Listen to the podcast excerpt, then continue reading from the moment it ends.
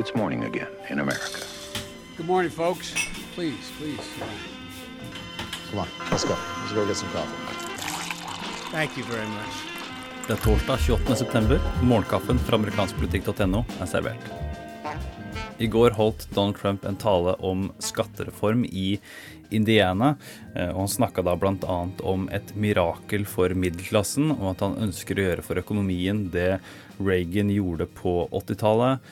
eh, Da i sammenheng med at han fikk med seg støtte fra demokrater og republikanere. At man faktisk klarte å bli enige om noe. Og Trumps ønske om å være en samlende president er jo rørende, tatt i betraktning måten Trump har styrt på som president, og også hvordan han drev valgkamp i fjor. Vi skal her høre et utdrag fra talen hans. middle class miracle. It's called a middle class miracle once again. It's also called a miracle for our great companies, a miracle for the middle class, for the working person. I truly believe that many Democrats want to support our plan, and with enough encouragement from the American people, they will find the courage to do what is right for our great country. Så mens Trump snakker om et mirakel for middelklassen, så har avtroppende senator Bob Corker fra Tennessee, republikaner som da bestemte seg for ikke å stille til gjenvalg i 2018 pga. at det politiske klimaet ikke akkurat er fordelaktig for en mer moderat, tradisjonell republikaner.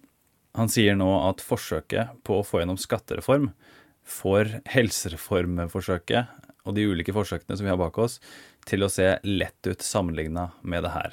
Og det er nok noe rett i det, fordi med en gang man begynner å se på detaljene i en slik reform, eh, så er det langt, langt vanskeligere å komme til enighet. eh, Utover bare det å si at vi ønsker et bedre system for middelklassen, noe alle kan si seg enig med i utgangspunktet. Puerto Rico er nå i krise etter orkanen Maria, som vi har skrevet om tidligere i eh, nyhetsbrevversjonen av Morgenkaffen. Eh, Puerto Rico ble amerikansk i 1898 og er da et commonwealth med utstrakt indre selvstyre i USA, men der er nå over én million mennesker uten rent drikkevann, og 97% av øya er fortsatt uten strøm, så det er en pågående eh, katastrofe, er som er jo en av disse tingene som eh, president Trump eh, og hans team eh, nå jobber med å håndtere. Eh, Men det har kommet kritikk om at det ikke gjøres nok, eh, og det er jo naturlig når man hører slike tall. Dagens utgave av Morgenkaffen er servert av Lene Marita Berg Herman og undertegnede Are Toveflaten. Vi setter stor pris på om du tipser andre om Morgenkaffen som podkast. Du abonnerer ved å gå til ampol.no kaffen. Du hører oss i Spotify. Stor stas om eh, flere av dere velger å gjøre det. Avslutningsvis så skal vi her høre et utdrag fra Sean Hannitys intervju med Paul Ryan, som er speaker i Representantenes hus eh, i går kveld.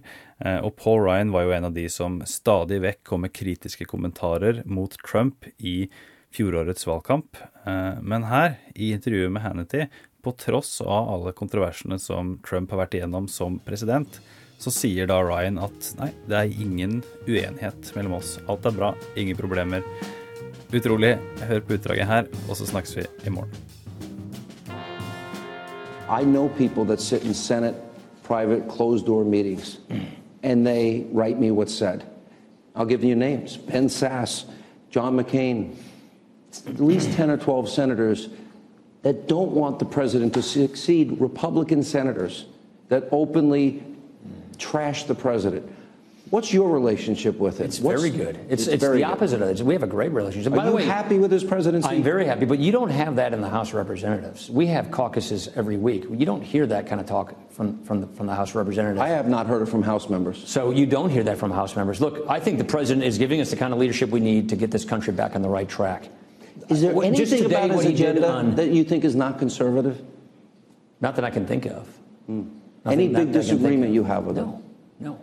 And you're, so really it comes down to the Senate. The Senate is where people need to focus their attention. Look, uh, I love to bash the other guys. Uh, I can control what we can control, but we're doing our job here in the House, and we're, we're rooting for our Senate, friends in the Senate to get this stuff done. We're really disappointed in health care, but we still got a chance of getting a lot of these big things.